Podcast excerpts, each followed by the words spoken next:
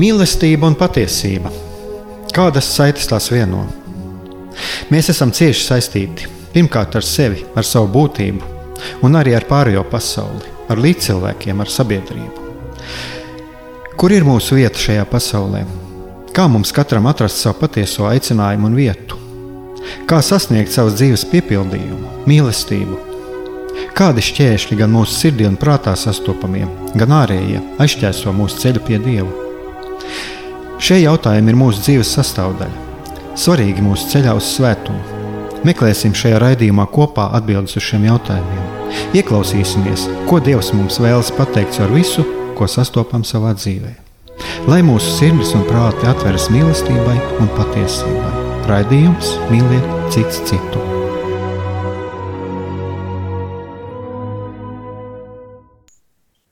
Esiet sveicināti, darbie radioklausītāji! Šis ir atkal raidījums mīlēt citu citu, un šoreiz, šoreiz mūsu raidījums ir neklātiene un arī ierakstā. Un šodien es sarunājos ar vēsturnieci Inesi Runci. Un tā kā ir gaidāma lūkšana nedēļa par kristiešu vienotību, tad šodienas temats ir ekumēnisms. Bet kā jau, nu jā, ja mēs runājam par ekumēnismu, tad ir varbūt jāsāk runāt par to, kas vispār, kāpēc šāds ekumēnisms ir vajadzīgs. Un līdz ar to varbūt varnīcas šķelšanās un kāds noveda. Nu, neapšaubām mūsdienās e, ekumenisms ir kaut kas tāds, kas ir ļoti svarīgs. E, e, es domāju, ka tas ir ceļš, ceļš uz um, kristiešu vienotību, uz sadarbību. Tā ir spēja pārkāpt um, dažādas vēsturiski izveidojušās uh, sarežģītās attiecības, jeb gatavība to izdarīt pārkāpt šīm attiecību vēsturē, visai sarežģītu attiecību vēsturē, tieši, tieši baznīcā, un mēģināt rast dialogu. Ja mēs neprotam rast, ja mēs nevaram atrast kristiešu savā starpā dialogu, ja kristīgās baznīcas, kristīgās konfesijas nespēja atrast dialogu savā starpā, lai sludinātu Dievu vārdu, tad kā tas ir iespējams darīt sekulārā pasaulē, tad ar sekulāro pasaulē vēl jau mazāk mēs spējam uh, veidot dialogu. Un tas ir ļoti būtiski, īpaši mūsdienās, pieaugot šīm uh, tādam, cevišķi šajā mūsu reģionā, pieaugot diezgan tādam, izteikti. Uh, es neteiktu ļoti redzamam, bet bet, bet tomēr savā ziņā nojaušanam, sekulārismam, kas eh, ļoti stiprā veidā ietekmē um, baznīcu, kristiešus, tad nu, tas ir tāds viens no noteikumiem, ka atbildes uz šī laikmeta izaicinājumiem mēs meklējam kopīgi. Mūsdienu sekulārais cilvēks ir ļoti gudrs, viņš ir ļoti intuitīvs, Viņš spēja nojaust, kur ir patiesība, kur nav patiesības, jo dzīvo pats pēc būtības ļoti sarežģītā vidē, ļoti sarežģītā situācijā. Un, uh, vien, piemēram, ja mēs parunājam ar tādiem nu, cilvēkiem, kuri ir attālāk no baznīcas, jo lielākā daļa cilvēku šo garīgumu meklē, meklē Dievu, tikai meklē to pa savam, tad viens no tiem jautājumiem, kas viņiem vienmēr ir, Tad, nu, kāpēc jūs kristieši ir tik ļoti daudz? Nu, kuram ir tā patiesība? Protams, kā visai bieži konfesijas ir tās, kuras sludina, ka patiesība ir tikai viņu prioritāte un patiesība ir tikai viņu īpašums. Tad um, mums šī sašķeltība, cilvēciskā sašķeltība, cilvēciskais egoisms, kas valda baznīcas institūcijās, tas ir tas viens no tiem lielākajiem traucējumiem, kādā veidā tas ir um, ir jādod atbildes šim cilvēkam, mūsdienu cilvēkam, kas ir cilvēks meklētājs. Jā, es te manēju, šis jautājums ir tāds arī mazliet par šo tādu ieskats tādā vēsturiskā perspektīvā. Nu, kas tad ir tas, kas to uh, ir veicinājis? Jo es esmu vienmēr arī domājis par šiem agrākajiem gadsimtiem, jā, piemēram, nu, kaut vai par to pašu jau sākot ar, ar to, kā sašķēlās uh, austrumu rietumu rīts un tālāk viss jau sevišķi jau protestantisma laiks, jā, kad tur jau, nu, es domāju, ka tur mēs arī redzam arī šo tīri tādas laicīgās intereses, politiskais izdevīgums dažiem un tā tālāk. Nu, neapšaubām, tas arī tas baznīcas sašķeltība, tas ir. Nu, principā, nu, mēs, kā, ja runājot tieši par baznīcas vēsturi, tad baznīcas vēsturē mēs kāpēc šķiet, ka, nu, tas Tā sašķeltība sākās ar austrumu rietumu baznīcas šķelšanos. Un, ja paskatās baznīcas vēsturē, principā, tā šķelšanās ir redzama tūlīt pat pēc Kristus nāves pie krusta. Ir, kuri paliek, un arī ir, kuri aiziet. Ir, kuri apšauba Kristus augšām celšanos, un ir, kuri, kuri to vēst, vai arī tālāk Nu, tā cilvēka, tādam, protams, ir grūti pateikt, ka tā ir tāda bijusi izteikta šķelšanās, bet tas pats, kad, kad mēs redzam, ka Svētais Pēteris ir kļūst par apustuli ebreju draudzēs, tā kā kalpu nu, dodas sludināt Jēzu starp ebrejiem, un savukārt Pāvils ir tas, kas nāk pie, iet pie pagāniem. Protams, ka tur atkal ir tādas cilvēciskās rakstura īpašības, katra viņa katra no šiem apstuļiem cilvēciskajām raksturīpašībām vai kaut kāda īpaši, īpašas situācijas, kāpēc tas tā notiek. Bet, nu, protams, mēs redzam, ka Dievs to visu vērš par labu. Vai arī pēc tam nākamajos posmos, ko mēs redzam, tad, kad kristietība ļoti strauji izplatās austrumos, tad saskarās ar daudziem dažādiem jauniem jaunpienācējiem, jaunpienācēju draugiem, pagānu draugiem, kuras visai bieži, nu, kā draudzes konvertējas ar ar visiem saviem pagānu priesteriem un priesterienēm. Un, un tad atkal ir nu, tas eh, jēzus, jēzus tiek pieņemts, bet šīs cilvēciskās attiecības ir ļoti sarežģītas. Katram liekas, ka taisnība ir viņa pusē, kur ir, kur iet, kur, kur, tais, kur, kur ir tā taisnība. Un tad pamazām vai nu atšķiras cilvēki vai atšķiras draudzes, un to var redzēt arī apustuļu vēstulēs, eh, kas periodiski parādās jau par šo tādu savstarpējo cilvēcisko raksturu īpašību, kur viens no tādiem sarežģītākajiem ir nu, atrast šo kompromisu un atrast dialogu vienam ar otru. Arī kristiešu starpā, pirmo apstuļu starpā. Uh, tas viss nu, ir šīs lielākās un mazākās šķelšanās, sīkākas un, un nenozīmīgākas, un iespējams, ka vēstures, baznīcas vēsturē ļoti daudz tādas zaudētas epizodes, varbūt arī ļoti interesantas par to, kā kad mēs varētu nu, tā dziļāk izpētīt šo cilvēcisko šķelšanos. Kon konkrētas draudzes um, tādā, nu, tā kontekstā, ja, bet nu, mēs parasti apstājamies pie šiem atsevišķiem lielajiem vēstures notikumiem, kā austrumu rietumu baznīcas šķelšanās, tad, protams, reformācijas laikmets un tā tālāk un tā joprojām, bet nu, tas viss visai bieži ir Tam visam pamats ir dažādi viedokļi, nespēja veidot dialogu, ticībā varbūt vairāk sev nevis Kristu. Protams, arī kaut kādi sociālpolitiskie, kultūras aspekti, kaut kādas konkrētas tās teritorijas vai tā laika posma situācijas, ja, kad tas viss notiek, ja, kad kuram šī baznīcas šķelšanās vai, vai kaut kāda dalīšanās draudzē ir um, vairāk izdevīga un tā tālāk. Ja? Tas viss tāds ļoti, ļoti sarežģīts, dažādu, um, dažādu um, problēmu kopums.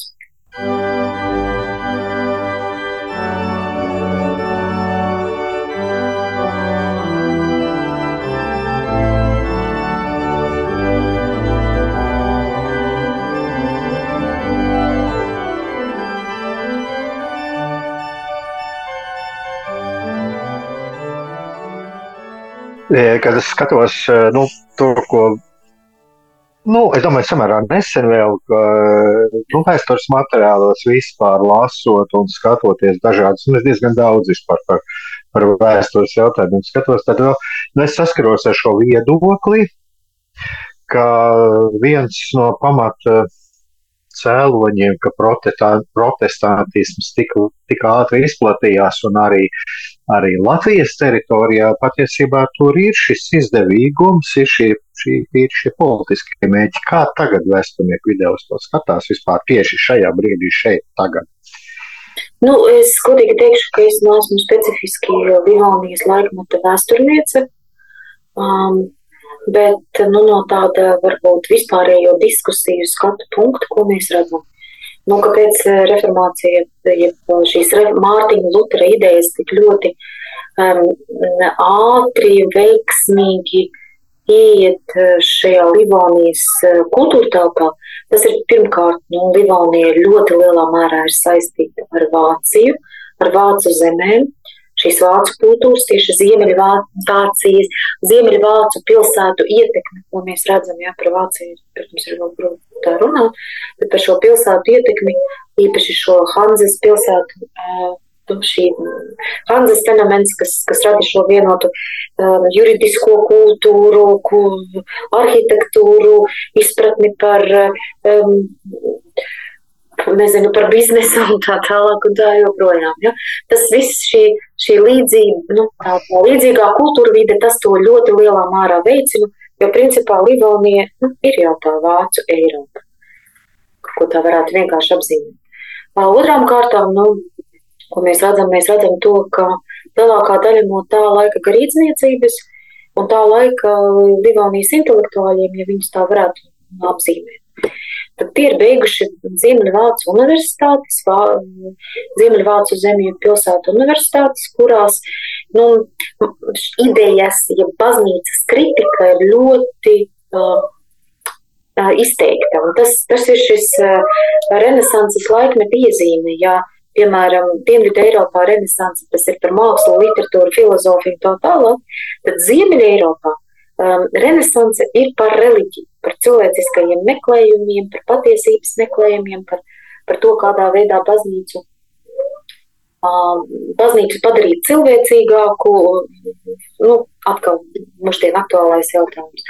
Un, un, un šīs idejas tieši Ziemeļvācijas universitātēs bija ļoti, ļoti aktuālas. Un, principā visi tie Livonijas studenti, kas beidza šīs universitātes vai nebeidza vai tikai studēja, tad viņi, nu, kā lai pasaka, viņi iepazinās ar šo ideju. Viņi, viņi bija tie, mm, kuri nu, tās idejas mm, mēģināja ieviest, ja ieviesa Livonijā, atgriežoties atpakaļ.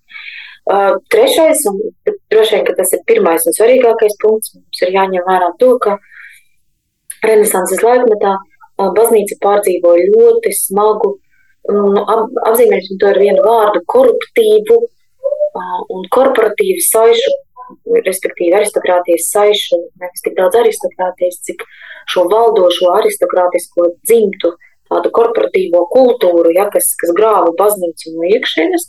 Baznīca neapšaubāmi bija ļoti, ļoti um, padarīta tāda ievainojamā. Tas bija tāds ierocis visai bieži atsevišķu aristokrātu, ietekmīgāko aristokrātu dzimtu rokās, manipulējās. Protams, ka baznīcas iekšējā nesakārtotība, nu, kas, piemēram, izglītības trūkums garīdzniecībai, reliģiskajiem ordeņiem,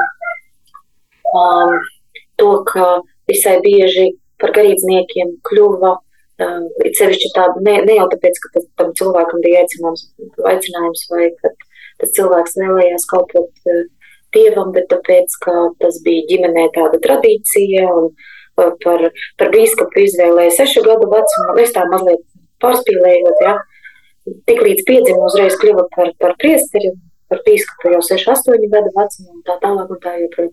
Tas, protams, šis, šī visa cilvēciskā bija tik ļoti daudz, ja, ka tas bija pārņēmis to baznīcu un padarījis to par tādu, nu jā, tādu Protams, Mārtiņš Luters nebija jau pirmais ziņnesis par, par šo baznīcas problēmu. Runāja daudz un daudzi, runāja ļoti plašā lokā, bet nu, ņemot vērā to, ka uh, pāvesta galms un, un arī pāvesta galmā bija ļoti liela opozīcija ja, starp nu, tieši kur mēģināja panākt daudz un dažādas izmaiņas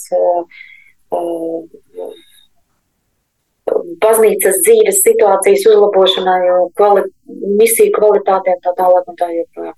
Bet tas bija, nu, tā kā nedeva tādus rezultātus, un baznīca vairāk aizrāvās ar laicīgo dzīvi kā ar garīgo dzīvi. Tas, protams, radīja šo lielo,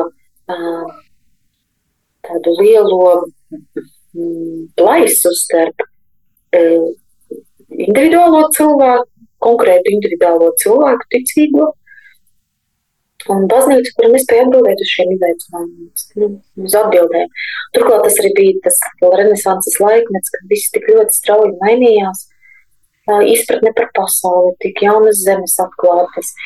Un ir tik daudz fundamentālu jautājumu, kur tam viduslaiku kultūrā augušam cilvēkam, viņam, nu, viņam vajag kāds, kas viņiem palīdzētu to atbildēt. Bet baznīcā jau īsti nebija kāds, kas palīdzētu to tādos lielos, lielā mārā atbildēt uz šiem jautājumiem.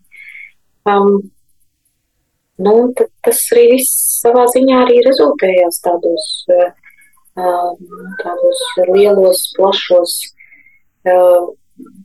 pārmaiņu procesos, iekšējo satricinājumu, transformāciju procesos. Un, un ņemot vērā to, ka tieši Ziemeļa, Ziemeļa Eiropā jā, šis reliģijas jautājums bija ļoti aktuāls, tā bija daļa no šīs renesanses kultūras, tad, nu, tad tieši Ziemeļa Eiropā tas ieguva tādus plašākus mērogus.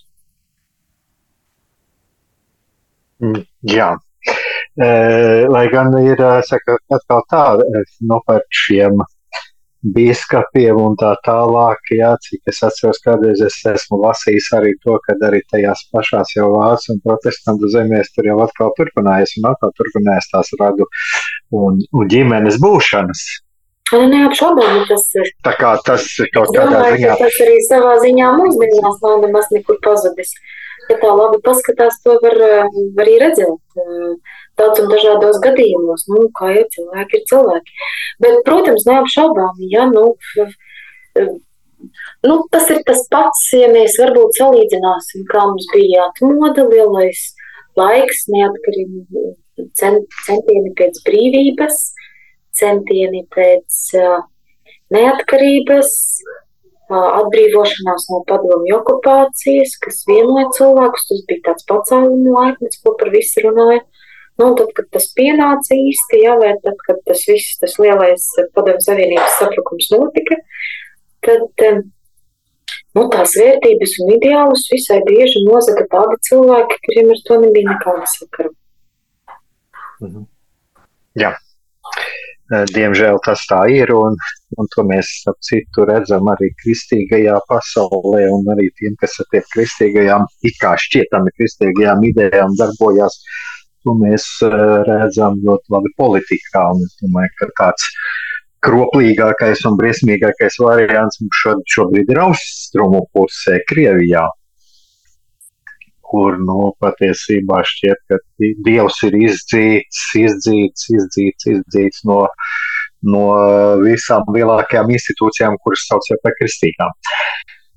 Jā, bet tagad mazliet paskatoties uz Latvijas situāciju, man tieši vairāk arī šis jautājums interesē tieši par Latviju.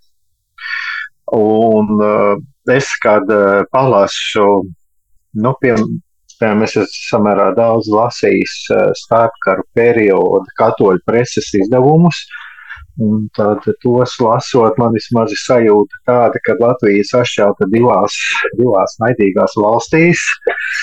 Un, un kad nu, tur ir jābrīnās, kā tur, kā tur savā starpā nešauj viens uz otru.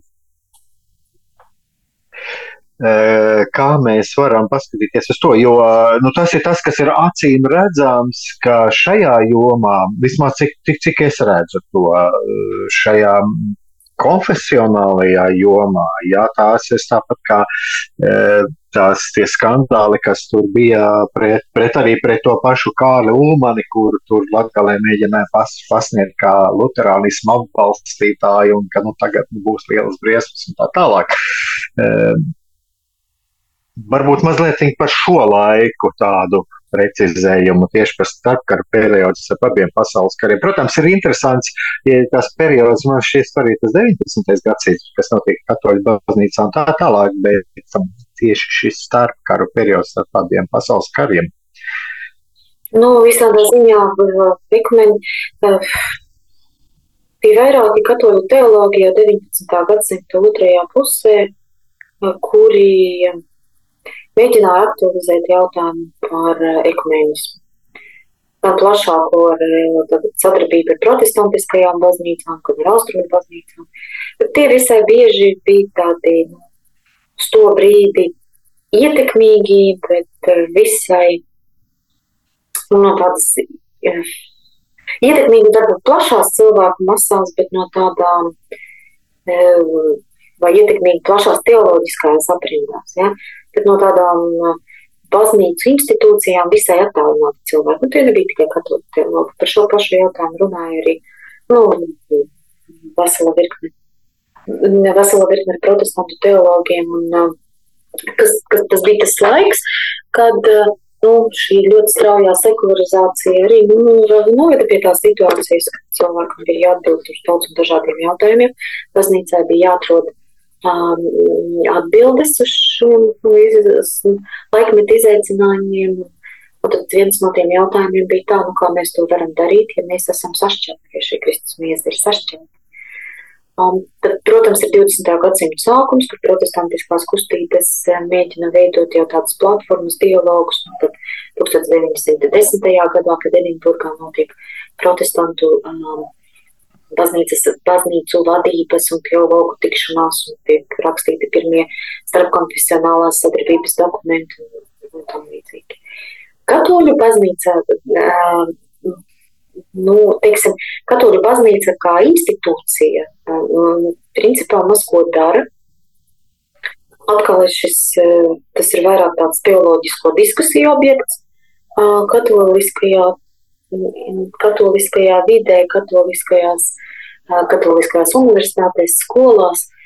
Bet nu, Latvijā, ko mēs varam, nu, tad, ņemot vērā to, ka līdz Pirmajam pasaules karam tā, no šī baznīcas kontrole, cara valdības īstenotā baznīcas kontrole, principā nu, neko tādu plaši nepieļauj, nepieļauj tādu uh, kādu reģionālu vai nacionālu dalību tajā visā. Tas vairāk, piemēram, protestantiem ir tāda, vietējiem protestantiem ir vairāk uz informācijas apmaiņu ar, ar to, kas notiek, nu, tik daudz varbūt ārpusē tajā visā. Bet ko mēs redzam? Mēs redzam, ka jau 20. un 30. gados jau atkal Latvijā aktualizējas no šīs šī protestantiskā ekumēnisma idejas uh,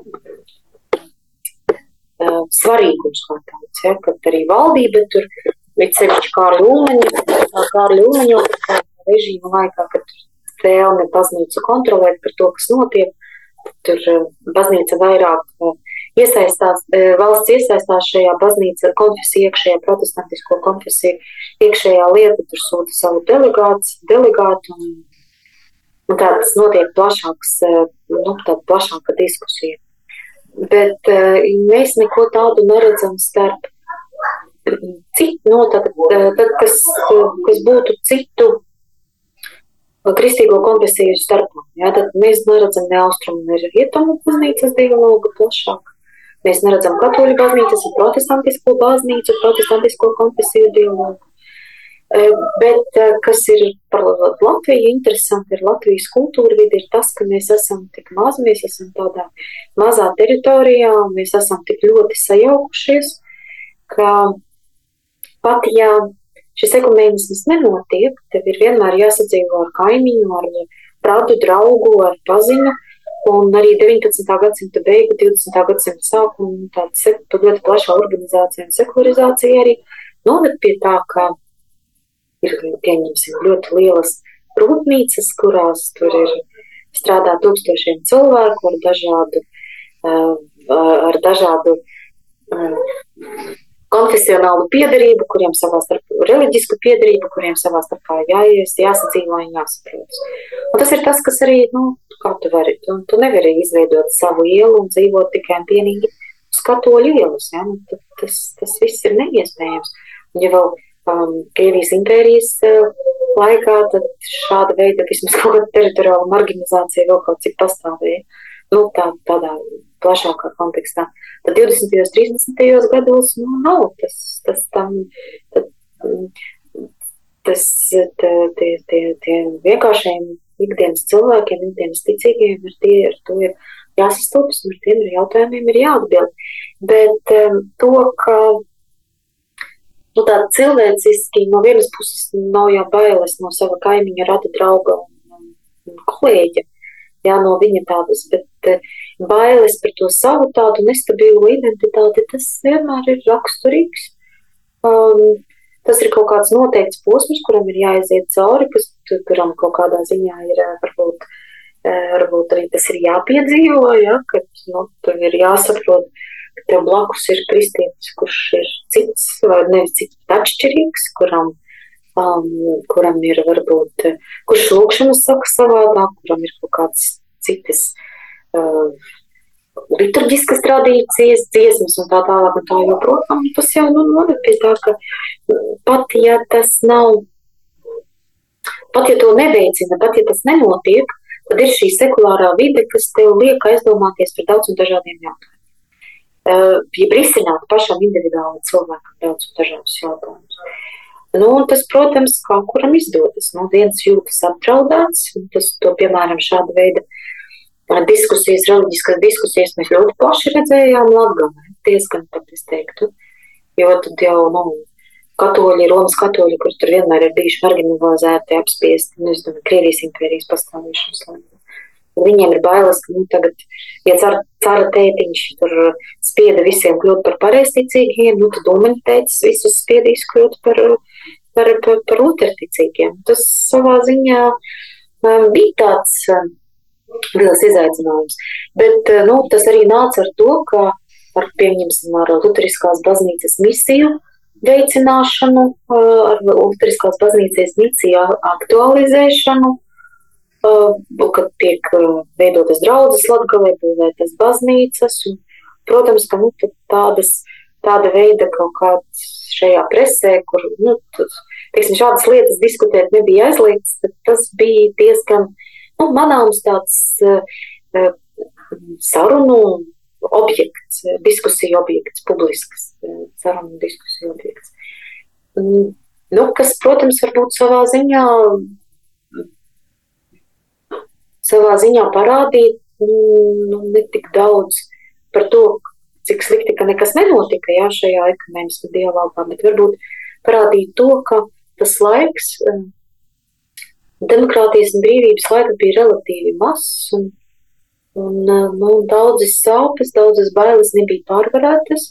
Šīs bailes parādīja to, ka varbūt pati baznīca nespēja dot cilvēkiem noteikti atbildus uz šāda veida jautājumiem, jo visai bieži ir vienkāršāk pateikt, nu, tad tur tie pareizticīgi ir antikristi, tad tur tie luterāņi ir antikristi, tad tur uh, papistu atbalstītāji, jā, pāvesta atbalstītāji ir antikristi un tā tālāk. Jā, bet uh, tas uh, ekumenisms kā tāds 20. un 30. gados uh, dažādu objektīvu, nu, protams, arī subjektīvu, bet lielākoties objektīvu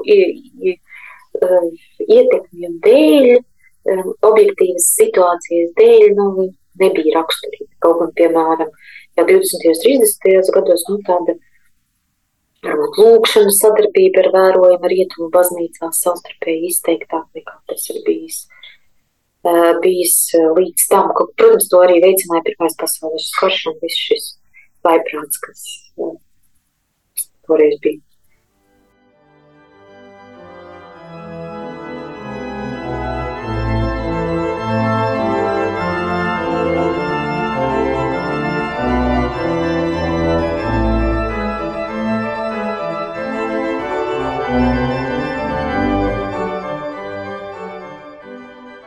Jā, nu, es skatos, mums ir tagad ierakstām palikušas kādas eh, deviņas minūtes, bet varbūt mēģināt varam parunāt eh, par šo, šo laiku. Kā ir šajā laikā ar ekumenismu? Es vienkārši varu teikt, ka vēl, ka es darbojos Vatikāna radio, un ka man nācās tikties ar cilvēkiem, kas ir kaut kur no Eiropas, no ārpus Latvijas, jā.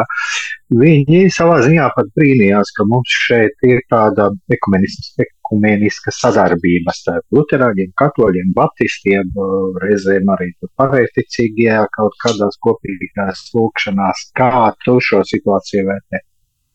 Nu, es domāju, ka vajag atrod veidus, kādā veidā šos jautājumus risināt, pat ja viņiem visai bieži nedod atbildes uz, uz, uz šiem jautājumiem, kas saistās ar ekumēnismu vai savstarpēju sadarbību.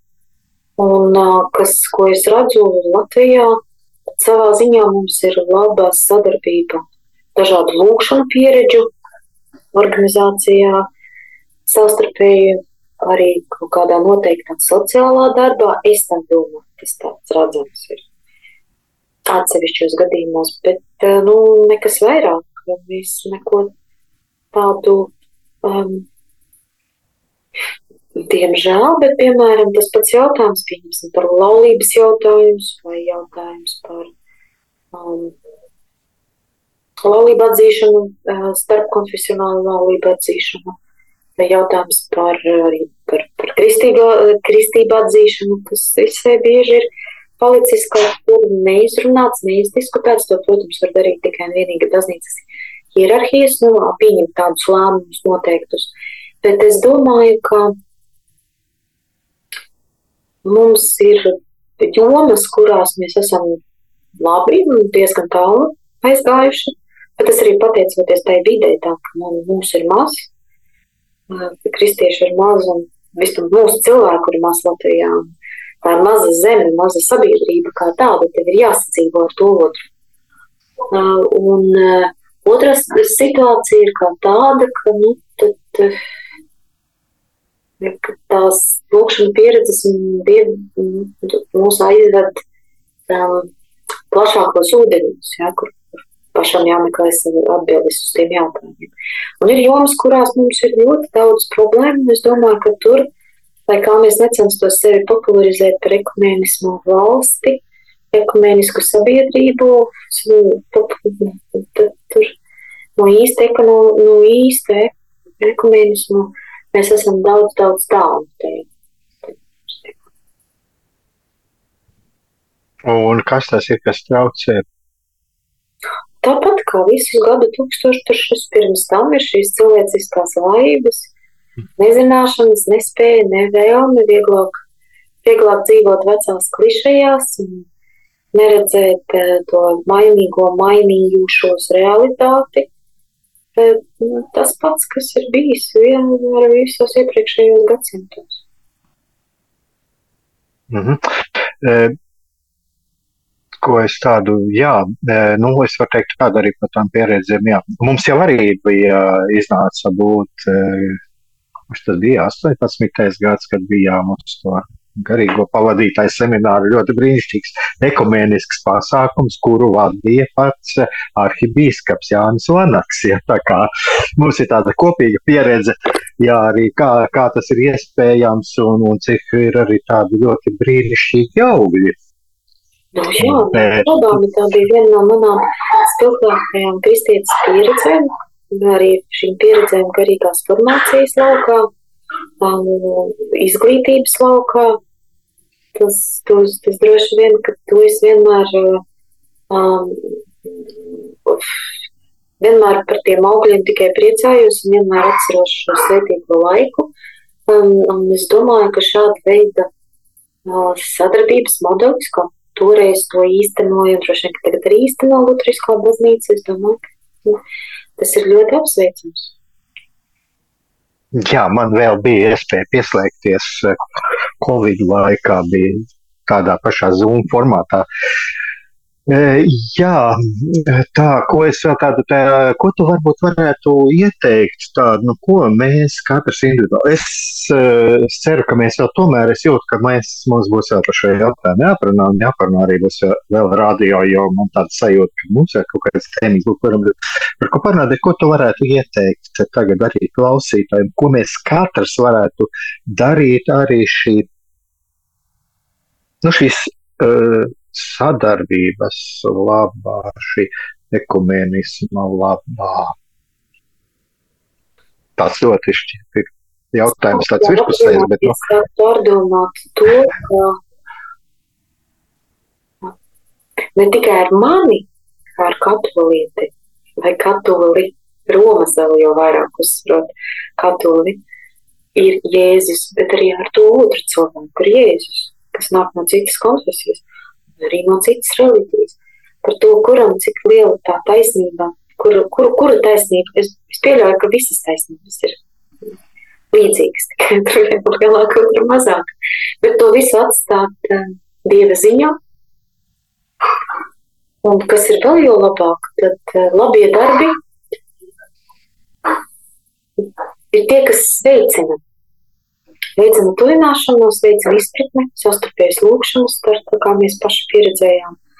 Ir tās, kas, kas, kas spēj mainīt cilvēka sirdi, um, paplašināt uh, pieredzi, paplašināt arī robežas par baznīcu, par globālo universālo baznīcu vēl jau vairāk parādīt Dievu daudz lielākā perspektīvā nekā mēs no vienas konfesijas skatu punkta viņu visai bieži mēģina saredzēt vai saredzam.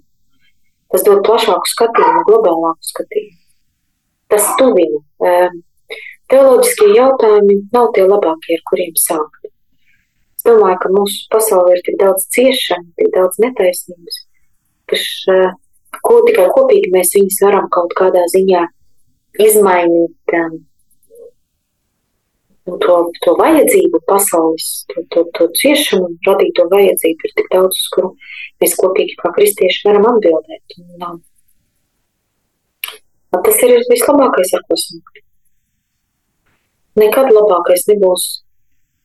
Teologiem ir jāatstāj teologu diskusijas, Bet mums, ko mēs kā individuāli cilvēki, kas varbūt no šīm teoloģiskajām diskusijām stāvam tālāk, nu, tad vislabākais ir sākt tieši ar šo nu, cietēju Kristus tēlu, kas ir jaunas šai pasaulē, kur cieši.